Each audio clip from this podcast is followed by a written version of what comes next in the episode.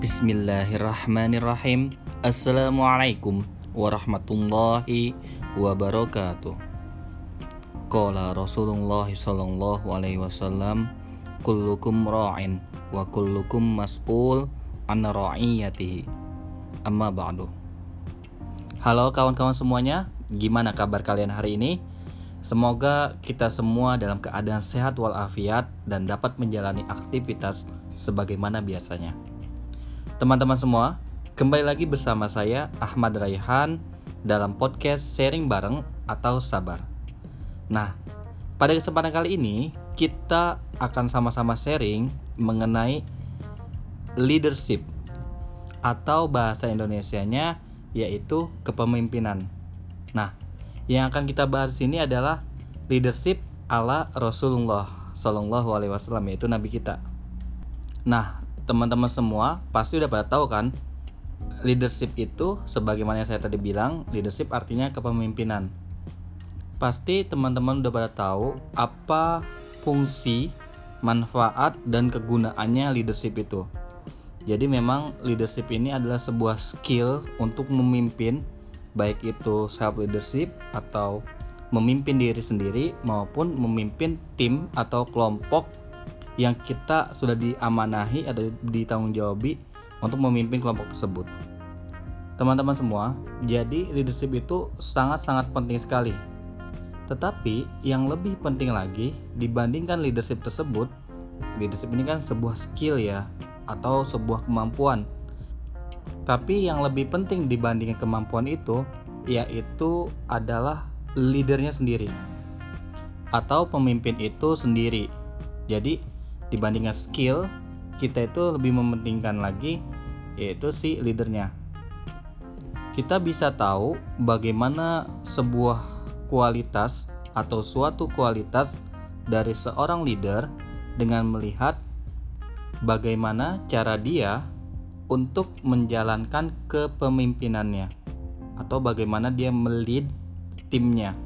Selain itu, kita juga bisa melihat dari sifat-sifat yang dimiliki oleh leader tersebut. Teman-teman semua, salah satu leader terhebat yang saya kagumi hingga saat ini yaitu Nabi kita Muhammad Sallallahu Alaihi Wasallam. Beliau adalah seorang leader yang hebat, seorang pemimpin dalam bisnisnya, pemimpin dalam rumah tangganya, pemimpin dalam umatnya. Beliau juga seorang jenderal perang, beliau juga seorang presiden di negaranya di kota Makkah dan Madinah. Maka kemampuan leadership beliau itu sudah tidak usah dipertanyakan lagi karena pastinya kemampuan leadership beliau itu sangatlah hebat. Tapi yang akan kita bahas atau kita sharing pada kesempatan kali ini adalah sebenarnya apa sih sifat-sifat yang wajib dimiliki oleh seorang leader. Terutama sifat-sifat apa sih sebenarnya yang dimiliki oleh Nabi Muhammad SAW sebagai seorang leader yang sudah teruji bagaimana kemampuan memimpinnya dan telah menyatukan orang-orang kafir Quraisy yang dulunya kafir setelah dipimpin oleh Nabi Muhammad SAW menjadi kaum yang dimuliakan oleh Allah Subhanahu wa taala. Nah, apa aja akan kita dengar dan kita simak pada podcast sharing bareng kali ini. Oh iya, buat teman-teman semua yang mungkin merasa bahwa saya podcast ini bermanfaat, silahkan untuk men-share link ini ke temannya yang lain agar manfaatnya lebih terasa.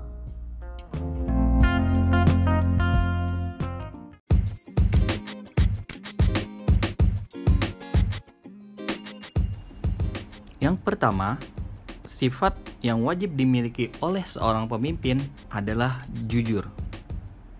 Teman-teman semua pasti sudah tahu peribahasa yang mengatakan jujur adalah emas. Berkatalah jujur walaupun itu pahit rasanya. Teman-teman, sebuah kejujuran merupakan sifat yang wajib dimiliki oleh seorang leader. Jadi seorang leader ketika memimpin memimpin timnya, maka salah satu sifat yang wajib dimiliki ia harus adalah seorang yang jujur. Kenapa? Karena seorang pemimpin yang jujur tentu akan lebih dihormati, lebih dihormati, lebih disegani oleh anggotanya.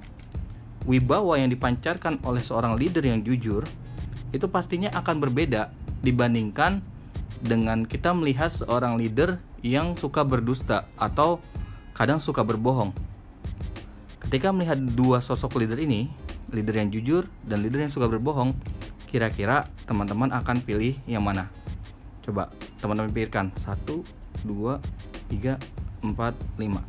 Kalau aku udah pasti, aku bakal pilih leader yang jujur. Sehingga ketika seorang leader, leader itu sudah jujur, maka anggotanya akan dengan senang hati bakal mengikuti leader tersebut, bahkan bangga terhadap pemimpinnya. Karena sang anggota akan melihat, oh pemimpin saya atau leader saya ini orangnya jujur. Maka ketika saya mengikutinya, insya Allah saya akan dibawa ke arah yang benar, ke arah yang baik. Itu.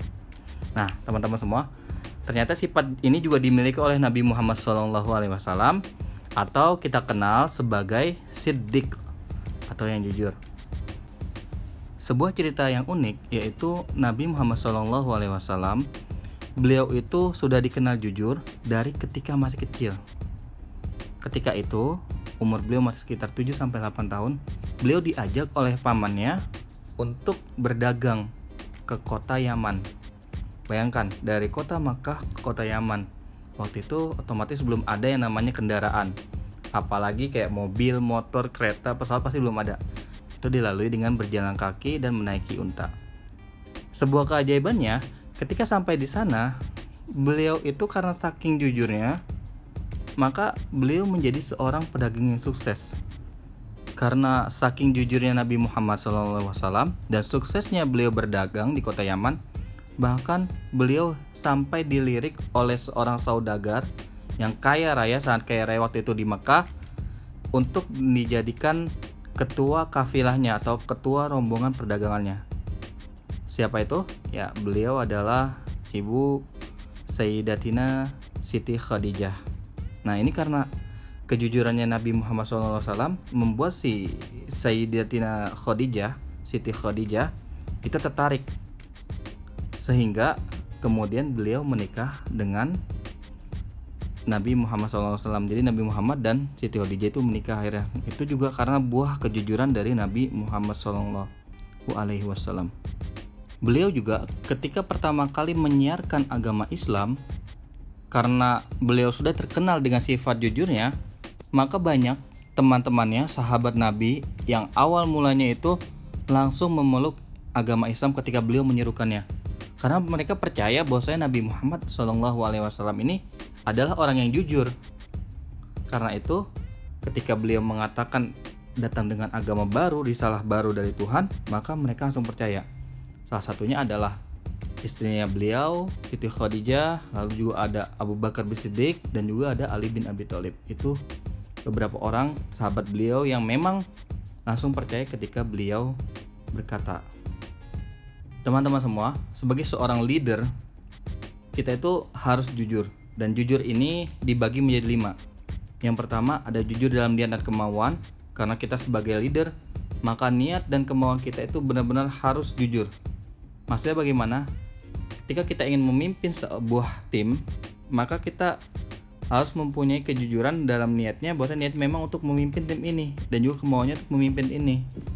Lalu juga ada jujur dalam perkataan, karena semua yang diucapkan oleh seorang leader atau seorang pemimpin akan didengarkan oleh anggota timnya.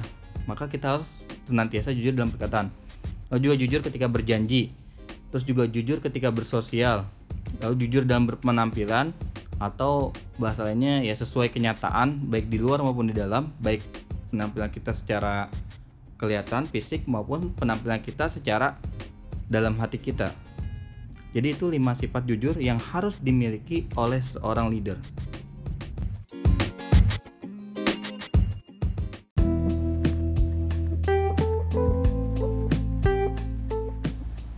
Sifat kedua yang harus atau wajib dimiliki oleh seorang pemimpin atau seorang leader adalah tanggung jawab. Kita pastinya sudah mengetahui bahwasanya seorang leader yang bertanggung jawab akan sangat-sangat dipercaya oleh anggota timnya. Mereka akan yakin terhadap leader, leader mereka karena mereka tahu bahwasanya orang yang memimpin mereka itu dapat bertanggung jawab terhadap diri mereka ketika dia memimpin kita atau memimpin mereka dan ketika ada masalah dia pasti akan tanggung jawab. Jadi anggota timnya bakalan lebih yakin lagi ketika dia mengambil alih pimpinan atau dia memimpin mereka. Kadang banyak kita temukan banyak leader atau pemimpin yang ketika timnya dalam masalah atau ketika timnya ada problem itu malah bukannya membantu menyelesaikan tetapi malah meninggalkan tim tersebut karena dianggap beban. Ini salah satu hal yang tidak boleh sampai terjadi. Karena sebagai seorang leader, kita itu harus bertanggung jawab penuh terhadap tim yang kita pimpin. Entah itu dalam keadaannya baik, dalam keadaannya sukses, ataupun kebalikannya dalam keadaan yang bermasalah atau berproblem. Kita harus mencari solusi atas problemnya tersebut dan menyelesaikannya sehingga seorang leader yang hebat adalah leader yang bertanggung jawab. Teman-teman pasti pernah dengar kata-kata uh, kepercayaan itu mahal harganya. Ketika sudah dicoreng, ketika sudah diberi kepercayaan tetapi dia malah mengkhianatinya, maka tidak akan dipercaya lagi untuk yang kedua kalinya. Atau mungkin teman-teman pernah dengar kata-kata kertas putih ketika sudah ada tinta yang mencorengnya, bakal yang bakal kelihatan adalah tinta tersebut. Sama seperti seorang leader ketika sudah diberi tanggung jawab, ternyata dia tidak bertanggung jawab terhadap amanahnya, apa yang dipimpinnya, maka dia tidak akan dipercaya lagi dalam mengambil alih pimpinan tersebut. Lalu, seorang leader yang bertanggung jawab juga tidak akan menyalahgunakan wewenang dan jabatannya. Seperti dia misalkan bertindak sewenang-wenang, semena-mena terhadap timnya, terhadap kelompoknya terhadap apa yang diperintahkan orang yang bertanggung jawab leader yang bertanggung jawab tidak akan pernah melakukan hal tersebut. Nah teman-teman ternyata sifat ini juga dimiliki oleh Nabi Muhammad SAW atau lebih kita kenal dalam bahasa Arabnya adalah amanah. Sifat amanah yang ada pada diri Nabi Muhammad SAW juga sudah ada sejak kecil. Hal yang membuat beliau dihormati di kalangan suku Quraisy yaitu karena beliau orang yang sangat bertanggung jawab, orang yang penuh amanah, bahkan mendapatkan gelar Al-Amin, orang yang terpercaya, orang yang dipercaya. Sebuah kisah menariknya adalah seperti ini. Ketika beliau sudah menyebarkan dakwah agama Islam, banyak kafir Quraisy yang memusuhi beliau, bahkan ingin beliau itu agar cepat meninggal atau cepat mati. Bahkan ada yang berencana membunuhnya. Tetapi yang menariknya di sini, banyak juga masih dari musuh-musuh beliau kafir Quraisy yang menyimpan harta bendanya atau barang berharganya kepada beliau karena mereka percaya orang kafir Quraisy percaya bahwasanya Nabi Muhammad SAW adalah orang yang paling terpercaya di seantero kota Mekah dengan gelarnya Al-Amin. Jadi ketika mereka menitipkan barangnya kepada Nabi, mereka tidak takut kalau misalkan nanti sewaktu-waktu Nabi Muhammad SAW itu mengambil barang mereka atau pergi dengan barang mereka. Dan ternyata benar karena Nabi Muhammad SAW mempunyai sifat amanah atau bertanggung jawab semua barangnya tetap aman meskipun itu barang milik musuh-musuh Nabi Muhammad SAW ini sebuah hal yang sungguh menarik sekali juga. Nah, ada beberapa hal sifat tanggung jawab yang harus dimiliki leader. Contohnya seperti bertanggung jawab terhadap tim atau anggota yang dipimpinnya, bertanggung jawab terhadap diri sendiri, bertanggung jawab terhadap perkataannya, perbuatannya, janjinya, bertanggung jawab terhadap jabatannya, dan juga bertanggung jawab terhadap hak orang lain.